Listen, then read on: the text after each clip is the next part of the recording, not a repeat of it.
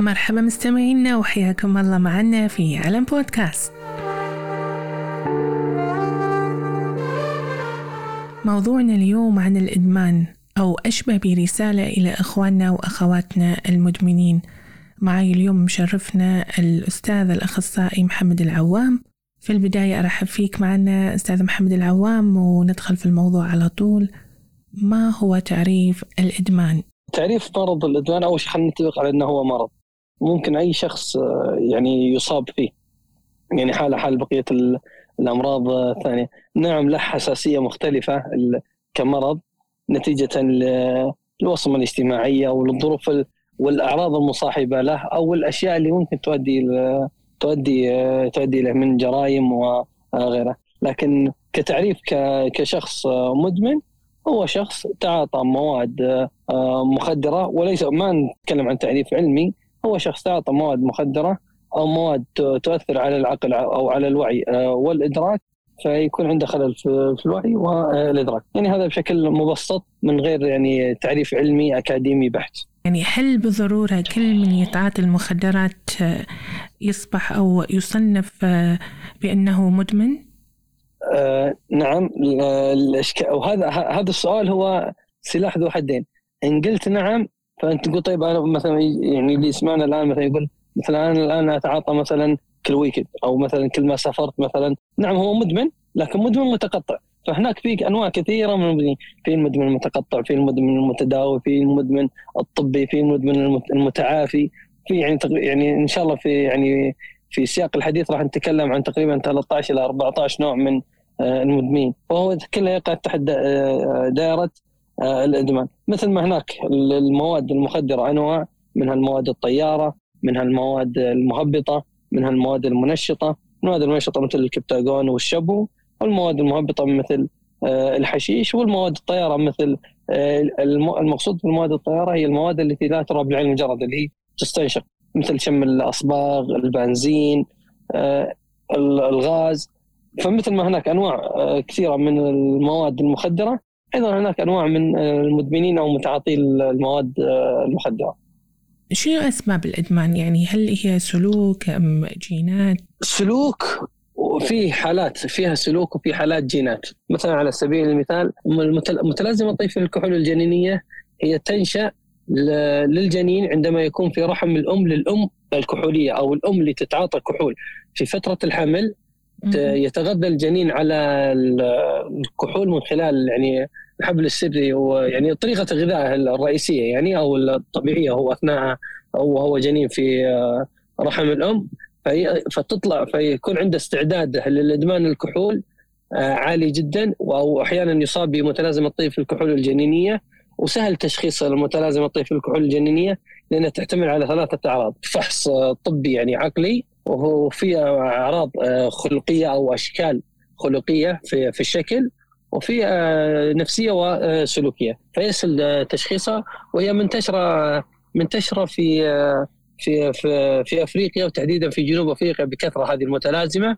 وفي نفس الوقت يعني من أشهر القضايا اللي تحضرني الآن على موضوع متلازمة طيف الكحول الجنينية الفتاة الأمريكية وهي قضية حديثة يعني في تو 2019 2020 سينيثيا براون. سينيثيا براون. فتاة مصابة نعم. بمتلازمة طيف الكحول الجنينية. حكم عليها مؤبد. يعني وقصتها معروفة. يعني اللي بيبحث آه، سينيثيا براون. فهي نموذج للأشخاص اللي يكونون مدمنين بسبب آه، جينات. أي نعم. آه، يكون أي يكون بسبب جينات ويكون عنده استعداد. يعني هذا على على على الكحول. طبعا في يعني المواد الثانية قد قد تسبب يعني. لكن شيء واضح اللي هو متلازمه طيف الكحول الجنينية. عموما يعني بطبيعة الحال حتى الشخص اللي يأتي من أسرة كحولية يكون نسبة ميلة للتعاطي آه، تكون أعلى من الشخص اللي ما يأتي من أسرة كحولية. خصوصا في الكحول أنا أتكلم تحديدا في الكحول. مدمنين الكحول. أي مدمنين الكحول يكون أبنائهم آه، لهم نسبه يعني يميلون أكثر في التعاطي في المستقبل سواء كان هو رحم هو وجنين في رحم الأم أو غيره. زين طيب أنت في البداية ذكرت في أنواع من ال ال الإدمان يعني مو المدمنين صحيح. المدمنين ولا تقصد فيها الإدمان؟ لا الإدمان أنواع وكذلك المدمنين في المدمن زين نشرح. أوكي نشرح المدمنين. ما في مشكلة الإدمان هو مثل ما الإدمان متقطع والمقصود في الإدمان مثلا المتقطع مثل ما قلنا قبل شوي. إنه هو يتعاطى مثلا في أوقات معينة وهو وهو أيضا هذا يصنف نوع من أنواع المدمنين لكن في ادمان متقطع في ادمان متوقف ويمكن يصدمك يمكن يصدمك أو تصدمك هذه المعلومة أو يعني تعجبين منها. أحيانا يكون شخص مثلا متعاطي أو مدمن لمدة عشر سنوات تكون حالته في العلاج أسهل من شخص آه، متعاطي لمدة سنة. ليش؟ على حسب الجرعات اللي يستخدمها يعني ممكن مثلا واحد مثلا في كل يوم ياخذ 2 جرام شابو مثلا أو آه، أربع حبوب كبتاجون أو أربع حبوب لاريكا أو زينكس إلى آخره من هذه الأنواع أو أو خلينا نتكلم بلغتهم آه، الصواريخ اللي هو تعاطي الحشيش آه، صاروخين ثلاثة أربعة يوميا يكون واحد مثلا لمدة أربع سنين خمس سنين كل يوم ياخذ مثلا جرام أو أقل. فالكم فاللي اللي يفرق من من شد من شدة إلى من من حالة شديدة إلى حالة أقل هي نسبة الجرعات المستخدمة آه، في أثناء آه، التعاطي وليس مدة التعاطي. الجرعات المستخدمة أثناء التعاطي وليس مدة التعاطي. أوكي يعني انت أنت قاعد تتكلم عن الإدمان يعني أنواع الإدمان لها صلة ب آه، الفترة اللي هما أو الوقت يلعب عامل أساسي يعني فترة اللي هم تعاطوا طبعا. مو مو مو, مو يعني وليس فقط الوقت يعني عندنا الوقت مو آه، يعني أو المدة والجرعات المستخدمة وال ونفسها طبيعة الشخص يعني نومه أكله آه، اهتمامه في في صحته الرياضية. طيب هل أنا إذا مثلا شخص مهتم في صحتي مهتم في صحتي البدنية ومارس رياضة وأكلي كويس هل ما راح يأثر فيني؟ لا أقول له يا حبيبي راح يأثر فيك. طيب لو مثلا خلينا نقول الآن الحشيش نعم الحشيش راح راح يأثر فيك وقد يسبب لك هلاوس سمعية وبصرية.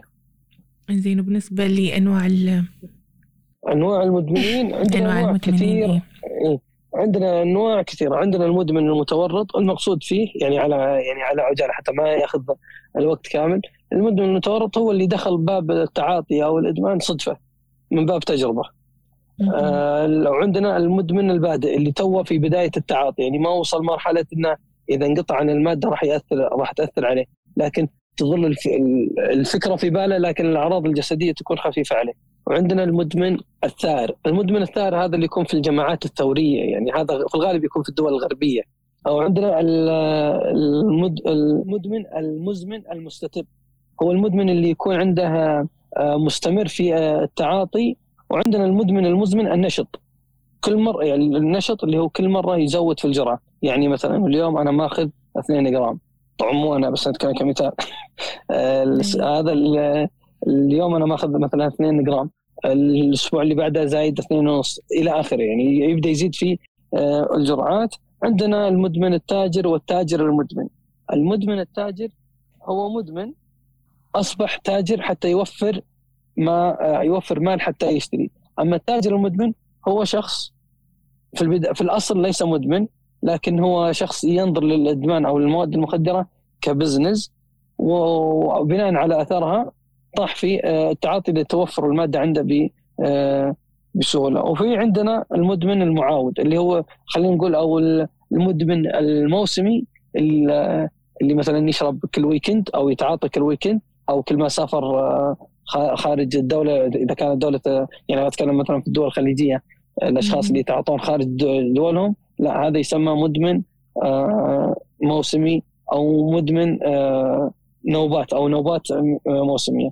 في المدمن المتعافي هو شخص كان سابقا كان مدمن و وتعافى عن الإدمان لكن يظل خايف ومتربص من الخوف أو العوده إلى مرض الإدمان. لأن مرض الإدمان هو مرض قابل للعودة في أي وقت. يعني ما له علاج نهائي. هو له علاج لكنه قابل للعودة. شلون قابل للعودة؟ يعني ممكن الشخص تحدث له انتكاسة لأنه أي تحت أي ضغط نفسي أه تحت أي ضغط نفسي ممكن أنه أه ينتكس في أي لحظة. تحت ضغط نفسي ضغط اجتماعي أه أي يعني إذا خصوصا إذا ما تعلم مثلا بعض التكنيكات أو الاستراتيجيات اللي تساعده على منع أو إحنا ما نسميها في العلاج الوقاية من الانتكاسة أو مهارات الوقاية من الانتكاسة ممكن ينتكس. وحتى وإن كان ممكن بعضهم يتعلمها لكن تكون رغبته في ودافعيته في الاستمرار في التعافي تكون ضعيفة فيضعف أمام المثيرات أمام المواد اللي كان يتعاطاها أو رغبة في آه، سد فراغ أو نقص في شخصيته آه، شعر بأن التعافي لم يسد هذا النقص أو هذا العجز فيحاول يسده في آه، في التعاطي. يعني أفهم من كلامك إنه هو يتضمن العلاج نوع من العلاج النفسي؟ لا يمكن يعني هذا أنا أتحمل مسؤوليته لا يمكن أن نعالج الإدمان فقط من خلال طرد السموم أو التخلص من المواد المخدرة في الدم.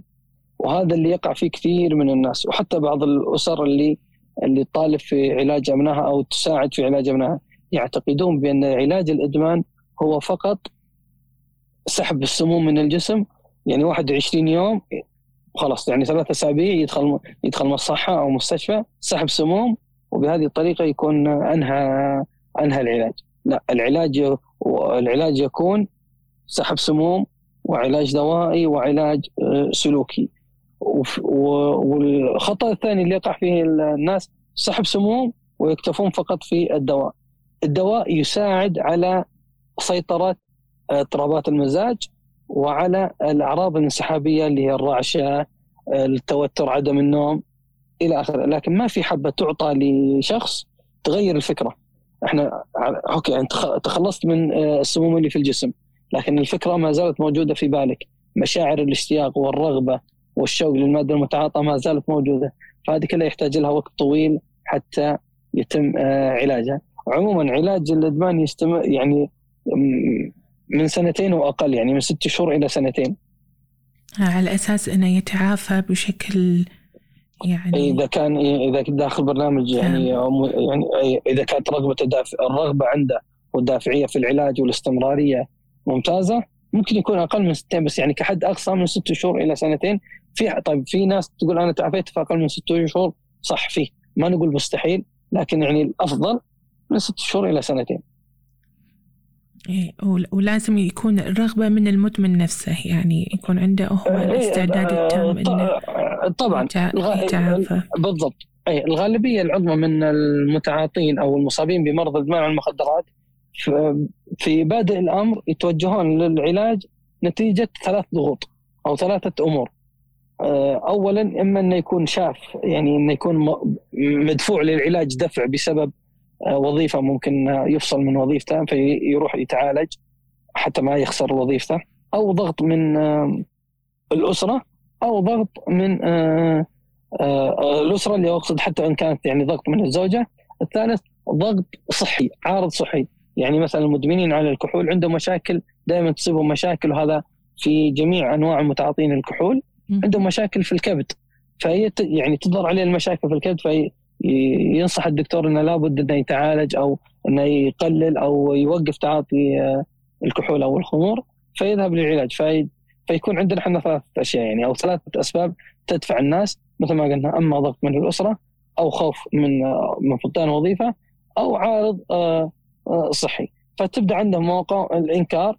ففي البداية يكون هو هذه الأسباب هو متخذ يعني أسباب خارجية مو أسباب داخلية رغبة نابعة منه لكن في بداية العلاج إذا أنا أسميها حلاوة التعافي ذاك حلاوة التعافي نسبة كبيرة منهم جدا يغير رأيه ويكون مد يعني مدفوع وراغب في العلاج من نفسه هو دون أي سبب آخر. شيء جميل. وصلت الفكرة أنت ذكرت عن المدمن الصدفة يعني هل المدمن يعني بشكل عام ضحية أم مجرم؟ يعني في المجرم حتى في حق نفسه يعني. الجواب على هذا السؤال نعم ولا في نفس الوقت. كيف نعم ولا في نفس الوقت؟ لا إن كان هو مدمن فقط يعني ما ارتكب جريمة ثانية. يعني مثلا ما ارتكب سرقة ما ارتكب اغتصاب ما ابتزاز اعتداء سطو إلى آخره. هو فقط مدمن لا هنا هو يكون ضحية لتاجر معين ايا كان هذا التاجر لكن إحنا نتكلم عن هذا المدمن هو مريض ويحق له العلاج. هذا على الجانب إنه هو ضحية. أما الجانب الثاني اللي هو المجرم يستحق العلاج وفي نفس الوقت يتعاقب على الجريمة اللي هو ارتكبها. يعني مثلا ارتكب اغتصاب أو اعتداء أو سطو أو سرقة أو أو إلى آخره يتعاقب على الجريمة اللي هو سواها وفي نفس الوقت يتعالج. حتى يكون في عدل في في الموضوع. نعم مريض لكن المسؤولية الجنائية لا تسقط عنه. يعني وخير من يتكلم عن المسؤوليه الجنائيه ما شاء الله حضرتك يعني. ما ما أدخل بملعب مو ملعبي بس إنه يعني الحق يقال المسؤوليه الجنائيه لا تسقط عن إن كان مريض. صحيح. بس هو على إيه وعلى فكرة يعني الشيء بالشيء يذكر. كثير من أنا اسف على المقاطعة بس يعني الشيء بالشيء يذكر. كثير من بعض الجرائم الجنسية تحديدا الإغتصاب تستخدم فيها المخدرات. وما أبي أذكر أنواع معينة لأن إحنا في مجال أو في فضاء مفتوح. تفضل عادي يعني إذا حاب ما, ما, ما يس... لا لا ما ما, ما أفضل إني ما أذكر. ما يسمى ب يعني هي معروفة باسم كلب دراجز هي منتشرة في النوادي والحفلات الصاخبة والن... والنوادي الليلية. طريقتها تعطى للضحية أو للشخص المراد أن يقع ضحية. في في شراب سواء في موي في في ماء في عصير ايا كان. المهم شيء سائل يشرب ومن آثارها تخدير الضحية لمدة 12 ساعة وبعد الإفاقة بعد 12 ساعة 90% من وسريع مفعولها على فكرة من 10 إلى من 10 دقائق إلى ربع ساعة مفعولها يبدأ من بعد التناول. وبعد 12 ساعة يعني مدة 12 ساعة بعد ما تصحى الضحية بعد 12 ساعة 90% من الأحداث اللي صارت خلال هذا من لحظة التعاطي أو تناول هذه المادة إلين لحظة الإفاقة 90% من الأحداث ما تذكرها تذكرها على شكل ومضات آه، مما مما يستخدمها المجرمون للاغتصاب آه، ضحاياهم وفي الغالب من يستخدم هذا من يستخدم هذا الأسلوب يكون له صلة أو علاقة على الضحية لأن يعني من البديهي أو من المنطق أنت ما راح تشرب أشياء أو أو آه، ماء أو ايا كان مع شخص ما تعرفه. نعم. فالغالب يكون له ارتباط مع الضحية هذا على الجانب السلوكي الاجتماعي أما من السلوك النفسي أو الرغبات النفسية للمجرم اللي يستخدم هذا النوع يكون هو فاقد السيطرة في حياته ويبحث عن السيطرة ويخشى مواجهة الجنس الآخر وعنده ضعف ثقة في النفس وفي الغالب تكون عنده انحرافات جنسية. أنت في البداية ذكرت بأن إحنا على أساس نعرف المدمن بانه هو مريض بس يعني هل بالفعل هو يعني يعني يصنف آه، حالة كحال مريض السرطان وغيره؟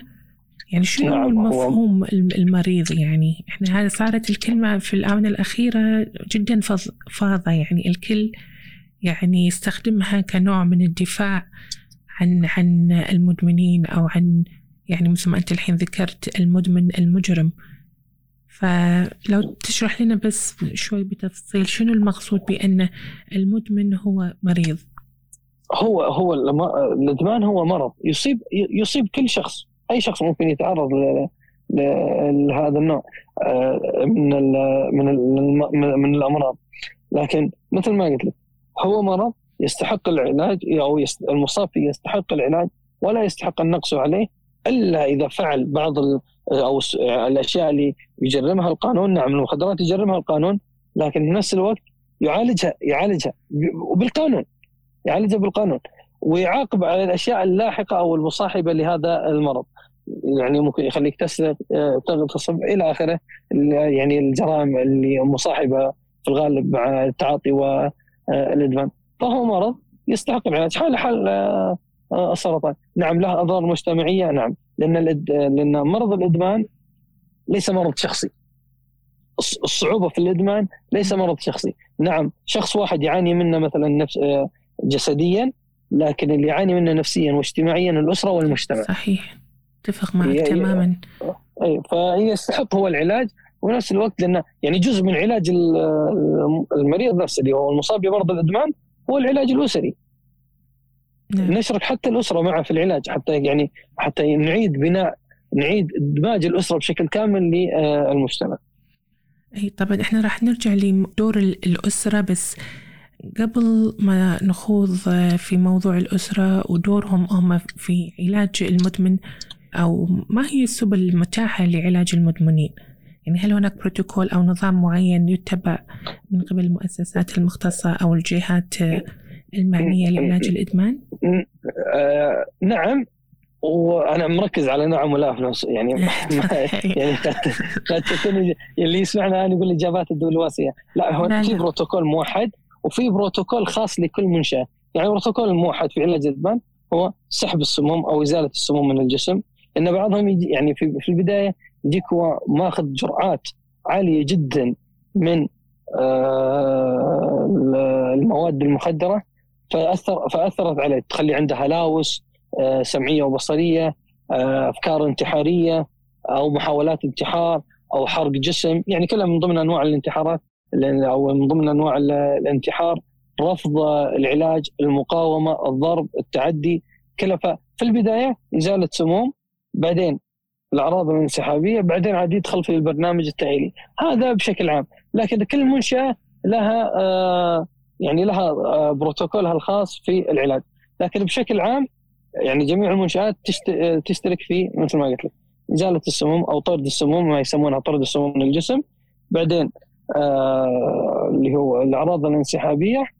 بعدين عاد يدخل في البرنامج التأهيلي والدواء آه، الدواء قد يكون سابق للتأهيلي يكون في الأعراض الانسحابية حتى يسيطر عليه يعني تساعد على النوم بشكل كويس تساعد على الأكل لأن بعض المواد المخدرة تسبب انسداد في الشهية وبعض المواد تسبب شراهة في الشهية.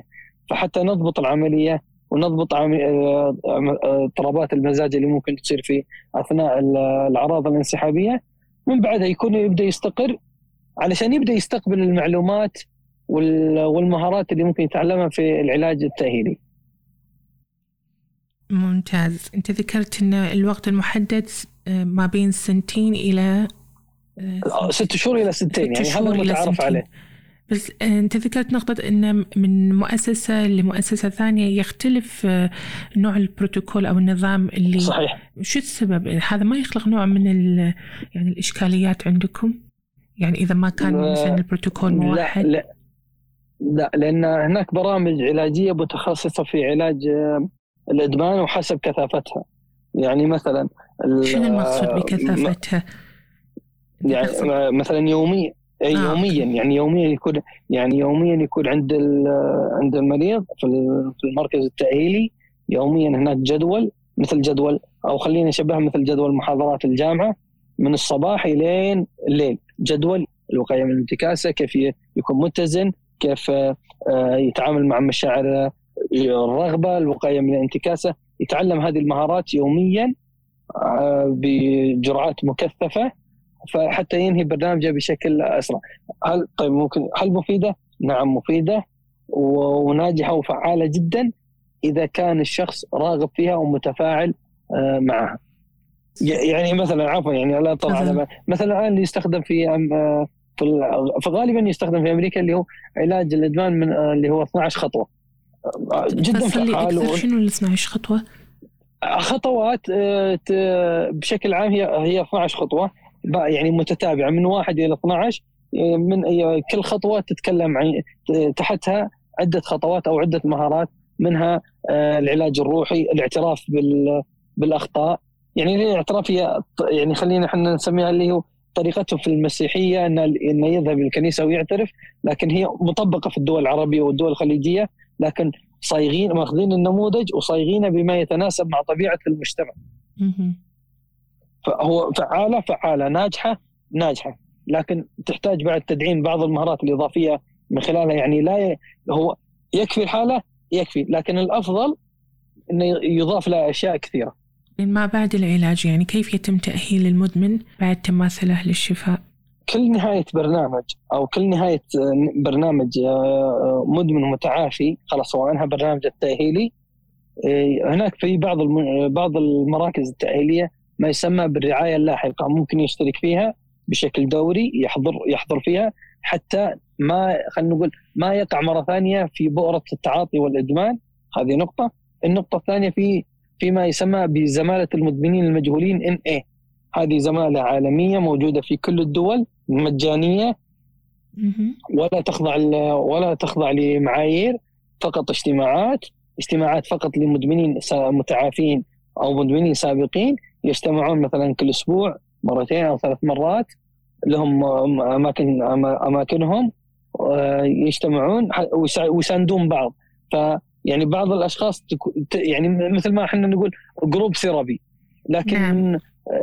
group therapy له قوانينه وله قواعده ولا يدير دكتور ولا يدير أخصائي ولا معالج ولا شيء. هم هم يديرون أنفسهم, أنفسهم. هم المديرين أي هم المدمنين متعافين أو مدمنين سابقين موجودين يديرون أنفسهم وفي وفي بداية كل جلسة أو كل اجتماع يتكلمون في الخطوات اللي أو البرنامج اللي اللي جلستهم اليوم وبرنامج ناجح جدا فعال قوي جدا لأن آه، يكون يخلي الشخص إنه ما يقع مرة ثانية في التعاطي.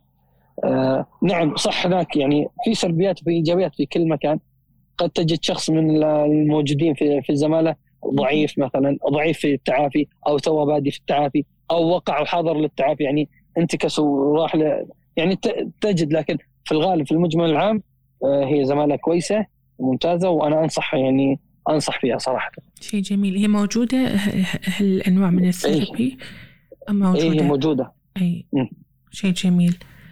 نرجع لدور العائلة. يعني ما دور العائلة في علاج المدمن أو المدمنين؟ لا يمكن علاج مدمن بدون ما تعالج أسرة المدمن. من أي ناحية؟ من كل النواحي. يعني من كل النواحي لأن قد يكون ترى أحيانا يكون سبب التعاطي العائلة. تكون مشاكل عائلية يعني؟ مو شرط تكون مشاكل عائلية بقدر ما هو تهميش. يعني من يوم يعني أنت ما تفهم آسف على الكلمة يعني أنت ما تفهم من يوم ما صغير يعني مهمش. آه وهذا أنا لاحظته مو بناء على دراسة علمية حتى ما يعني أخذ كلامي كلام علمي. آه الأشخاص اللي يكونون مهمشين في اسرهم ومهملين آه واتجهوا للتعاطي يتجهون للمواد المنشطة مثل الكبتاجون والشابو. حتى باعتقاد أنه تعطيه القوة والشجاعة في قول رأيه والتعبير آه، عن مشاعره. يعني يعني أنا شفت أشخاص وعايشت حالات وأشرفت على علاج حالات كان سبب اتجاههم للتعاطي إنه ما يقدر يقول لا. ما يقدر يقول أنا أبي هذا الشيء أو أبي أدخل هذا التخصص. أنا اتجهت للتعاطي علشان أقدر أقول إن أنا أبي هذا الشيء. من الهروب. بالضبط. هو ما إحنا ما نقول هذا م... أو... طبعا هو هذا مبرر. هو يعطينا نفس يعطينا نفس الحق للتعاطي. لكن نقول هو أحد الأسباب الرئيسية يعني. ما هو ما هو سبب رئيسي يعني مو أي واحد ما عرف يقول لا يروح يتعاطى. لا يعني مو مو بهالصوره لكن هو هذا السبب من ضمن أسباب وعوامل ثانية أدت إلى هذا السبب يعني. أحيانا بسبب المشاكل الأسرية أتكلم في جانب الفتيات تتعاطى تتعاطى المخدرات وتؤذي نفسها رغبة منها في انتقام انتقاما من أهلها من خلال نفسها ومن خلال جسدها. يعني خلينا نتكلم بعقل البنت أنا أتعاطى علشان أؤذي أو أنتقم من أهلي أو من أسرتي. وهذا النوع يعني يكثر في الدول العربية يعني. نعم. أي على مستوى الوعي هي رافضة لكن تقول أنا انتقاما من أهلي آه، أتعاطى. هل بعض الأسر بحاجة للتوعية عن كيفية التعامل مع المدمن؟ طبعا بالتأكيد. مو بس التعامل مع البحث عن علاج. يعني أنا يعني أنا ما أنتظر الشخص آه، لين ما تكون عنده أفكار انتحارية علشان أتخذ خطوات صحيحة. نعم. تحديدا في مرض الإدمان لابد أن نغلب مصلحه العقل على مصلحة العقل على مصلحة العاطفة. يعني أنا ما أبي مثلا ما أبي آه، أبلغ على ولدي ما أبي أبلغ على أخوي ما أبي أبلغ على زوجي. طيب إلى يعني إلى إلى متى يعني هذه الفكرة يعني موجودة؟ إلى ممكن لا سمح الله يؤدي إلى القتل أو الاعتداء أو الضرب أو يدخل في جريمة أكبر من التعاطي أو الإدمان.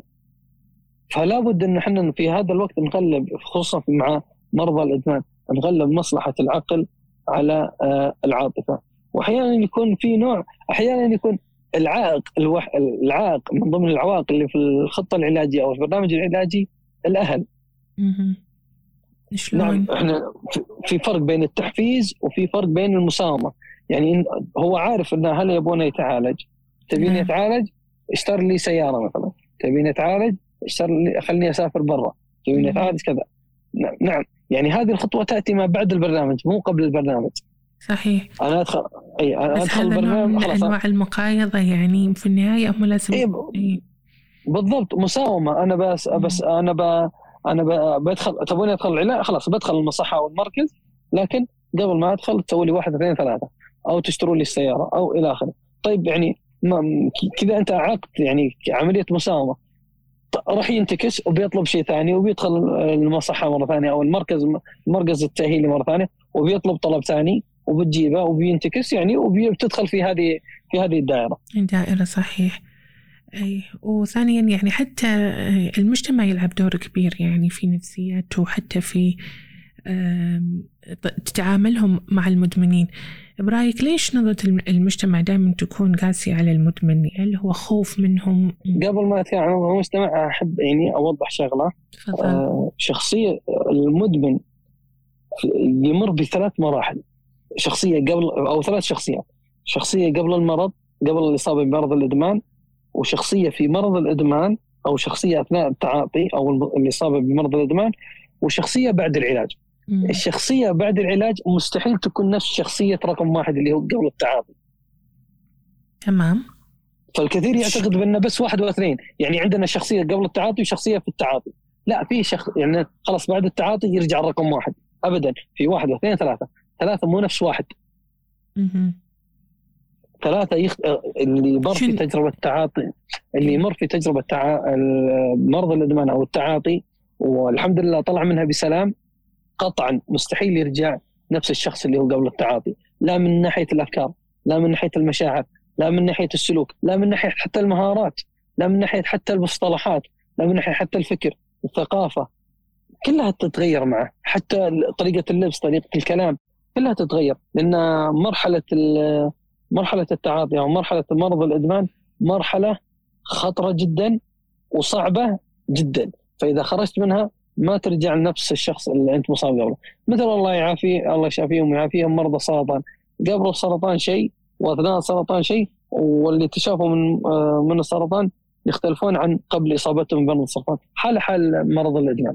وبالنسبة لسؤالك اللي هو نظرة المجتمع نعم. أنا ما ألوم المجتمع إنه يكون قاسي صراحة.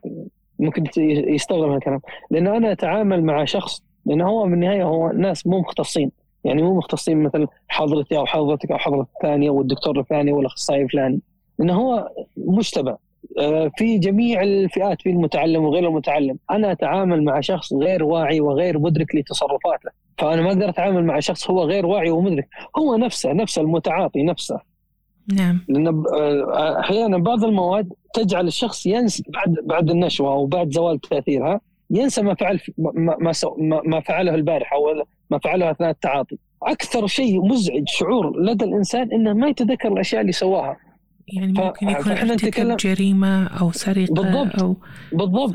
اي فهو ما, ما غير مدرك. هذا على على على مستوى المتعاطي أو الشخص على المصاب أو الشخص المريض. فما بالك المجتمع؟ أنا كيف أتعامل مع شخص؟ يعني خلينا نكون إحنا إحنا أسرة هلا خلينا يعني خلينا نضرب كمثال على الأسرة. أنا كأسرة أنا ما فجأة الولد عندي أو ولدي يضحك ويسولف معي فجأة زعلان فجأة أشوفه يكسر. فجأة أشوفه قاعد ياخذ السيجاره ويطفيها بيده. أشوف يده تنحرق أكثر مرة. أو يعني على يعني كلها تصرفات غريبة و والشخص اللي اللي مو متعود أو غير المختص أو بعيد عن هذا المجال من حقه إنه يشعر بالخوف ويكون قاسي على الناس. أما انه طبعا أما إنه يعني على طول بيوصمه بالجنون أو بيوصمه بالمجرم لكن في نفس الوقت لابد إن المجتمع يوعى بأن إن هذول أشخاص مرضى بحاجة إلى العلاج مهما كانت مصلحتنا العاطفية أو ارتباطنا العاطفي بهم قوي سواء كان بنت أو أخت أو أخ أو أب أو زوج أو حتى أم. لازم. يعني مرض الادمان يصيب كل كل كل الفئات وكل الطبقات الاجتماعية. يعني خلينا نساعدهم في دفعهم للعلاج ولا نقصيهم من آه، المجتمع. لأن الاقصاء وهذا كلام وهذا كلام ممكن آه، الأشخاص اللي راح يسمعون راح نعم. يسمعونا نتكلم في هذا الموضوع خصوصا اللي ما زالوا في تحت تأثير التعاطي أو ما زال في فترة التعاطي النشط راح يشعرون بكلامي هذا. كل شخص متعاطي عنده مجتمعين مجتمع صحي سليم ومجتمع صحي غير آه، سليم راح اوضحها إن شاء الله بنهاية كلامي إذا الله رد النقطة هذه ممتاز إنزين من من المجتمع ودور الإعلام والحملات التوعوية هل يلعب يلعبان دور إيجابي في توعية المجتمع من خطورة الوقوع في الإدمان؟ يعني أو نرجع أي. نرجع للإجابة إيه، نرجع للإجابة السابقة نعم ولا؟ نعم ولا أنا كنت متوقع الإعلام يلعب دور في الوقاية ويلعب دور في التعاطي. خلينا نبدأ في الجانب السلبي أول. أنا كشاب مراهق عمري 18 17 سنة وأشوف آه الأفلام والقنوات حتى المسلسلات العربية والخليجية إن المتعاطي أو التاجر خصوصا التاجر للمخدرات متوفرت له كل سبل الحياة. هذا أعيد في الأفلام والمسلسلات سواء الأجنبية أو العربية. نعم. التاجر موفرت له كل سبل الحياة. يخت فلوس سيارات سلطة جاهة وجاهة اجتماعية. مم. هذا اللي يحتاجه المراهق. نعم. فأنا إذا إذا إذا ابرزت دور المتعاطي أو التاجر بهذه الصورة فأكيد يعني أنا قاعد أصنع نموذج أو قدوة آه، يعني على سبيل المثال الحين لو يعني ممكن تشوف بعض سيارات الشباب أو المراهقين حاط صورة باولو إسكوبار أو ينقل بعض جمل أو مقولات بابلو بابلو إسكوبار. تسأله ما يدري وش بابلو اسكوبار ما ما هو عارف هو المهم نموذج آه، قوي ذو, ذو سلطة و ولعب في العالم وصار وكانت آه، يعني له منطقة معينة وإلى آخره. لكن صحيح. ندخل في تفاصيل بابلو اسكوبار هو مجرم في النهاية هو مجرم ومدمن في نفس الوقت وعاد آه، طالما هو تاجر للمخدرات التاجر المخدرات في الغالب يندرج تحت ابتزاز عمليات اغتصاب عمليات ابتزاز استغلال تهديد خطف إلى آخره. هو في النهاية هو مجرم. ما يعني الإعلام صور بابلو إسكوبار يعني اضرب بابلو إسكوبار كمثال صور بابلو إسكوبار على أنه هو بطل ويستحق الاقتداء فيه. وهو عكس ذلك تماما. لا والفترة الأخيرة يعني المتابع الجيد أنا ماني متابع المسلسلات بس أتابع الظواهر اللي تظهر في المسلسلات والأفلام. لو نلاحظ الفترة الأخيرة يظهرون التاجر أو حتى المجرم بعيدا عن المخدرات. يعني سواء كان تاجر مخدرات أو مجرم يظهرون له بمظهرين. مظهر هو تاجر قدام الناس أو مجرم شديد و... والناس تهابه وفي البيت حنون طيب على عياله على أخوانه على أخواته يساندهم ويمدهم في المال. هو انه اتجه للمخدرات لأنه هو ما عندهم فلوس و إلى آخره. فيصور أن المدمن هو شخص طيب مش المدمن عفوا التاجر تاجر المخدرات تاجر المخدرات أخطر من المدمن يعني في النهاية يعني, يعني هذا كلنا متفقين عليه. فيصورون التاجر على أنه هو طيب لكن عنده هذا الجانب السيء في حياته. يعني حتى يكون في شوف الازدواجية في انه ترى مو شخصيته شخصيته مو كلها سيئة لا فقط جانب معين في حياته وأنت تقدر تكون بهذه بهذه الصورة. ف يعني يمثلون آه، تمثيل خاطئ. يمثل يعني خداع خداع الواقع. هذه من الناحيه السلبيه ل بالضبط. والناحيه الإيجابية. الناحية الإيجابية إن يعني هل بالفعل في مساهمة؟ يعني هل مثلا إحنا يعني يعني البرامج اللي موجودة أو حتى الحملات اللي موجودة هي هل هي بال يعني بالفعل آه، تؤدي الغرض ان توعي نعم الناس؟ بالضبط. والدليل هذا الآن يعني اللي هذا اللقاء يعني آه، ما يعني ان شاء الله إنه يوصل لأكبر شريحة ممكن من الناس. لكن اللي خلانا نتكلم فيه يعني هذه قاعدة يعني وما ما تخفى على أحد. طالما هناك في صوت سلبي في أي ظاهرة آه، سلبية لازم مقابلها ظاهرة إيجابية. لا يمكن اطلاقا على وجه الأرض وجود شيء سلبي بدون شيء مقابل له صحي أو صحيح. نعم. لكن من اللي يبرز أكثر؟ اللي يدعم أكثر. والآن اللي يعني طبعا اللي في دعم وتوجه آه، اجتماعي قوي تجاه الوقاية من التعاطي ومن التعاطي أو العلاج وتوجه صحيح من أنا أشوفه من كل آه، الدول آه، العربية. لكن يبقى في نفس الوقت تأثير الأفلام والمسلسلات موجود لكن إن شاء الله إن إحنا نطمح بأن الوقاية أو الصوت الإيجابي الحسن إنه يكون أقوى بأقوى من هذا أقوى أقوى من كذا بكثير وطالما فيه صوت إيجابي إن شاء الله راح توصل الرساله مهما مهما كانت. إن شاء الله أكيد نتمنى هالشيء يعني وحتى نتمنى انه مثل ما أنت قلت انه نسبة كبيرة يسمعونا وخاصة من الناس اللي أنت قلت ذكرتهم المدمنين الجدد يعني آه، أنا بس بغيت أسأل صحيح. بالنسبة للإحصائيات هل بالفعل عندنا إحصائية دقيقة؟ وهل في يعني أعداد يمكن تكون غير معلنة؟ من من ناحية آه، المدمنين يعني. دا دا دائما في في الأبحاث العلمية يعني خلينا نتكلم يعني في لغة علمية أكاديمية دائما في الأبحاث العلمية ما يسمى بالرقم الأسود اللي هو صعوبة الوصول لمثل هذه الأرقام. نعم أكيد في إحصائيات عن المتعاطين أو المدمنين موجودة. في كل الدول هذا لازم يعني لازم موجود. لكن بنفس الوقت في رقم هناك أسود مخفي في مش مخفي تعمدا لأنه ما يوصل. لأن مو كل مو كل أسرة على مو كل المجتمع على قدر كافي من آه، التعلم. يعني أسرتين مثلا أسرة متعلمة وأسرة غير متعلمة.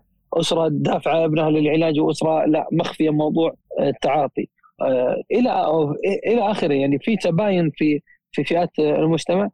فعشان كذا يمكن ما تظهر بعض الأرقام أو ما تكون الأرقام بشكل دقيق وصحيح. إنما هناك في أرقام في أرقام. نعم في أرقام.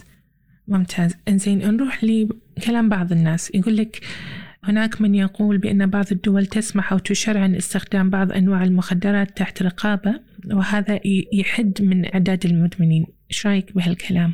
صراحة أنا إذا سمعت هذا الكلام أشعر بال يصيبني بالغثيان أنا آسف على الكلمة. يعني كيف أنا آه، اشرع شيء يغيب العقل. نضرب مثال ما أدري إذا مسموح أسمي بعض الدول يعني هولندا على سبيل المثال. هناك في أماكن مخصصة للتعاطي طيب، ولكن طيب. نسبة أه. الإدمان عندهم جدا قليلة. طيب من اللي قال أن نسبة الإدمان قليلة؟ ما إحنا قلنا في رقم أسود في الإحصائيات. صحيح. هذه نقطة. النقطة الثانية خصوصا في موضوع في موضوع المهبطات. المهبطات بالنسبة للضحايا نعم. يساعد على يساعد يساعد الضحايا على اغتصابهم. يعني يكونون ضحايا اغتصاب بغض النظر عن تعاطيهم يعني. يعني هو متعاطي لمواد مهبطة وضحية اغتصاب في نفس في نفس الوقت. يعني بما إنك ذكرت هولندا خلينا نذكر أمريكا. أمريكا حسب اللجنة الوطنية لمكافحة الاغتصاب آه،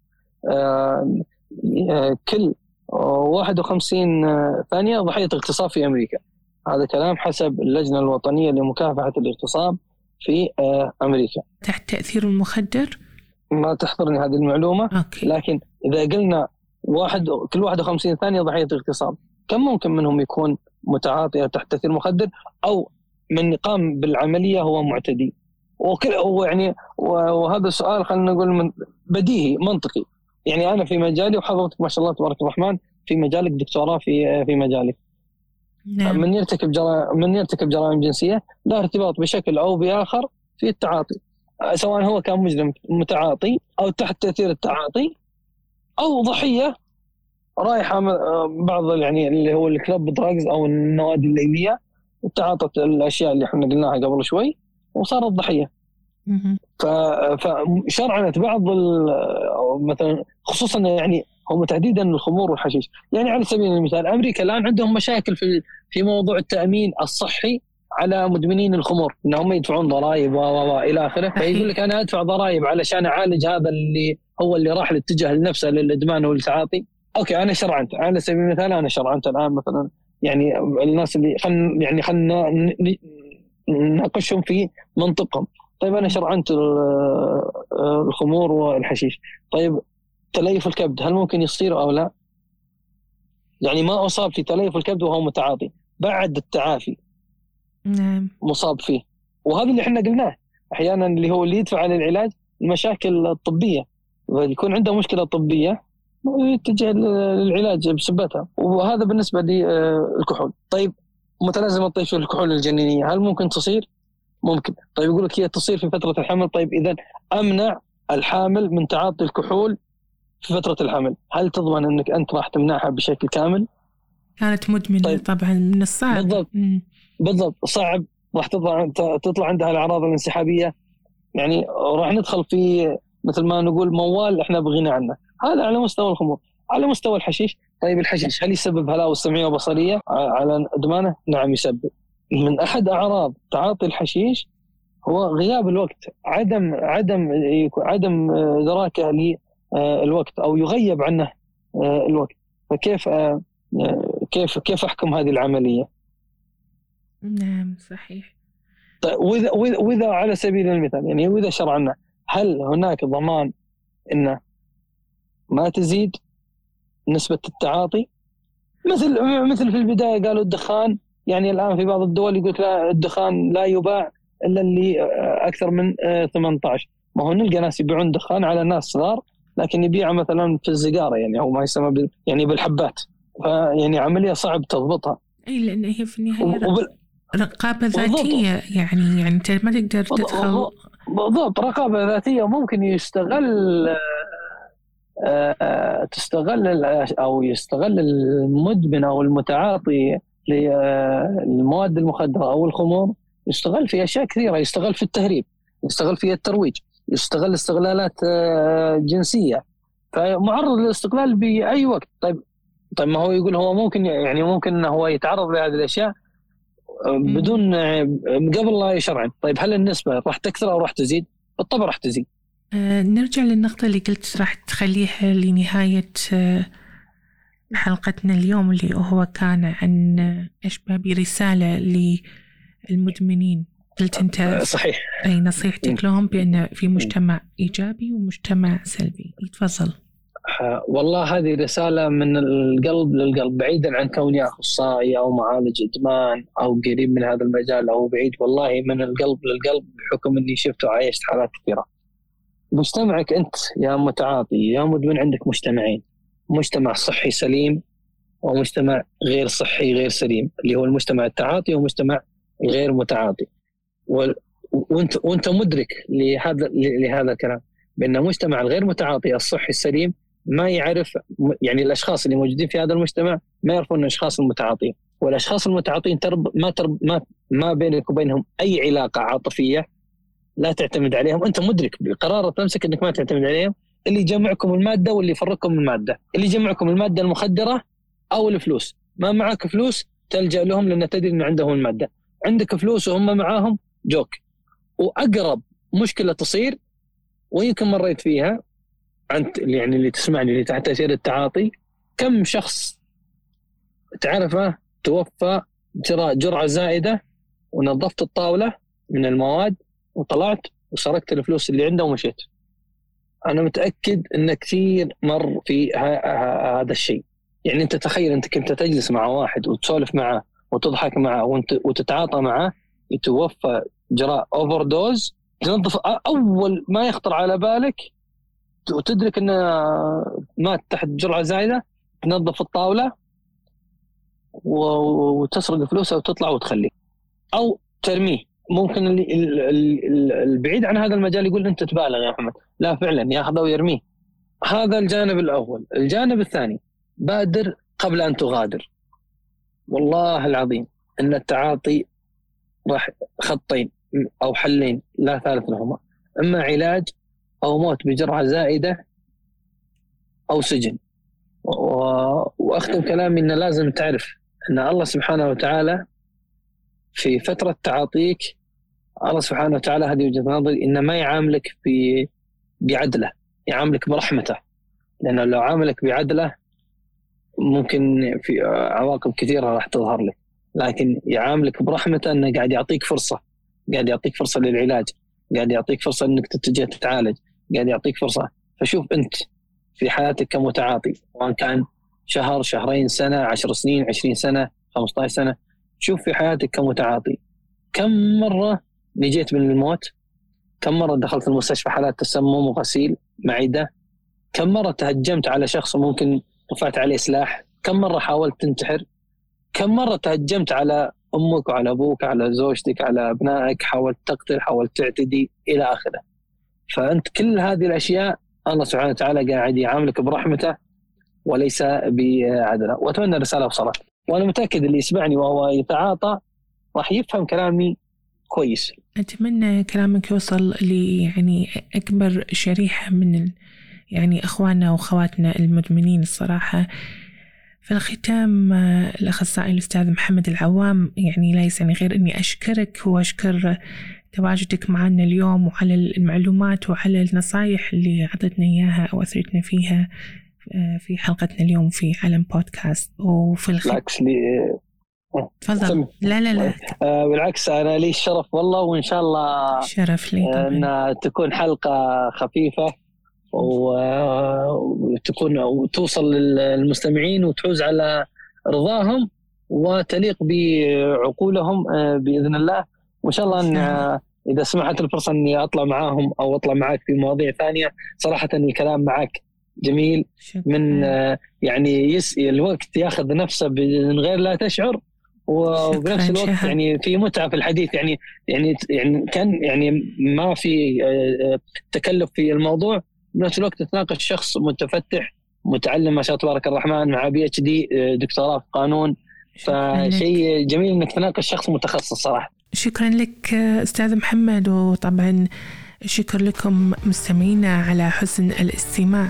إذا كان عندكم أي موضوع حابين تطرحونه أو نطرحه من خلال علم بودكاست يرجى فضلا وليس أمرا التواصل معي عن طريق إنستغرام على علم underscore podcast أو عن طريق الإيميل على info at علmpodcast.com أنا أمل يوسف وهذا علم بودكاست.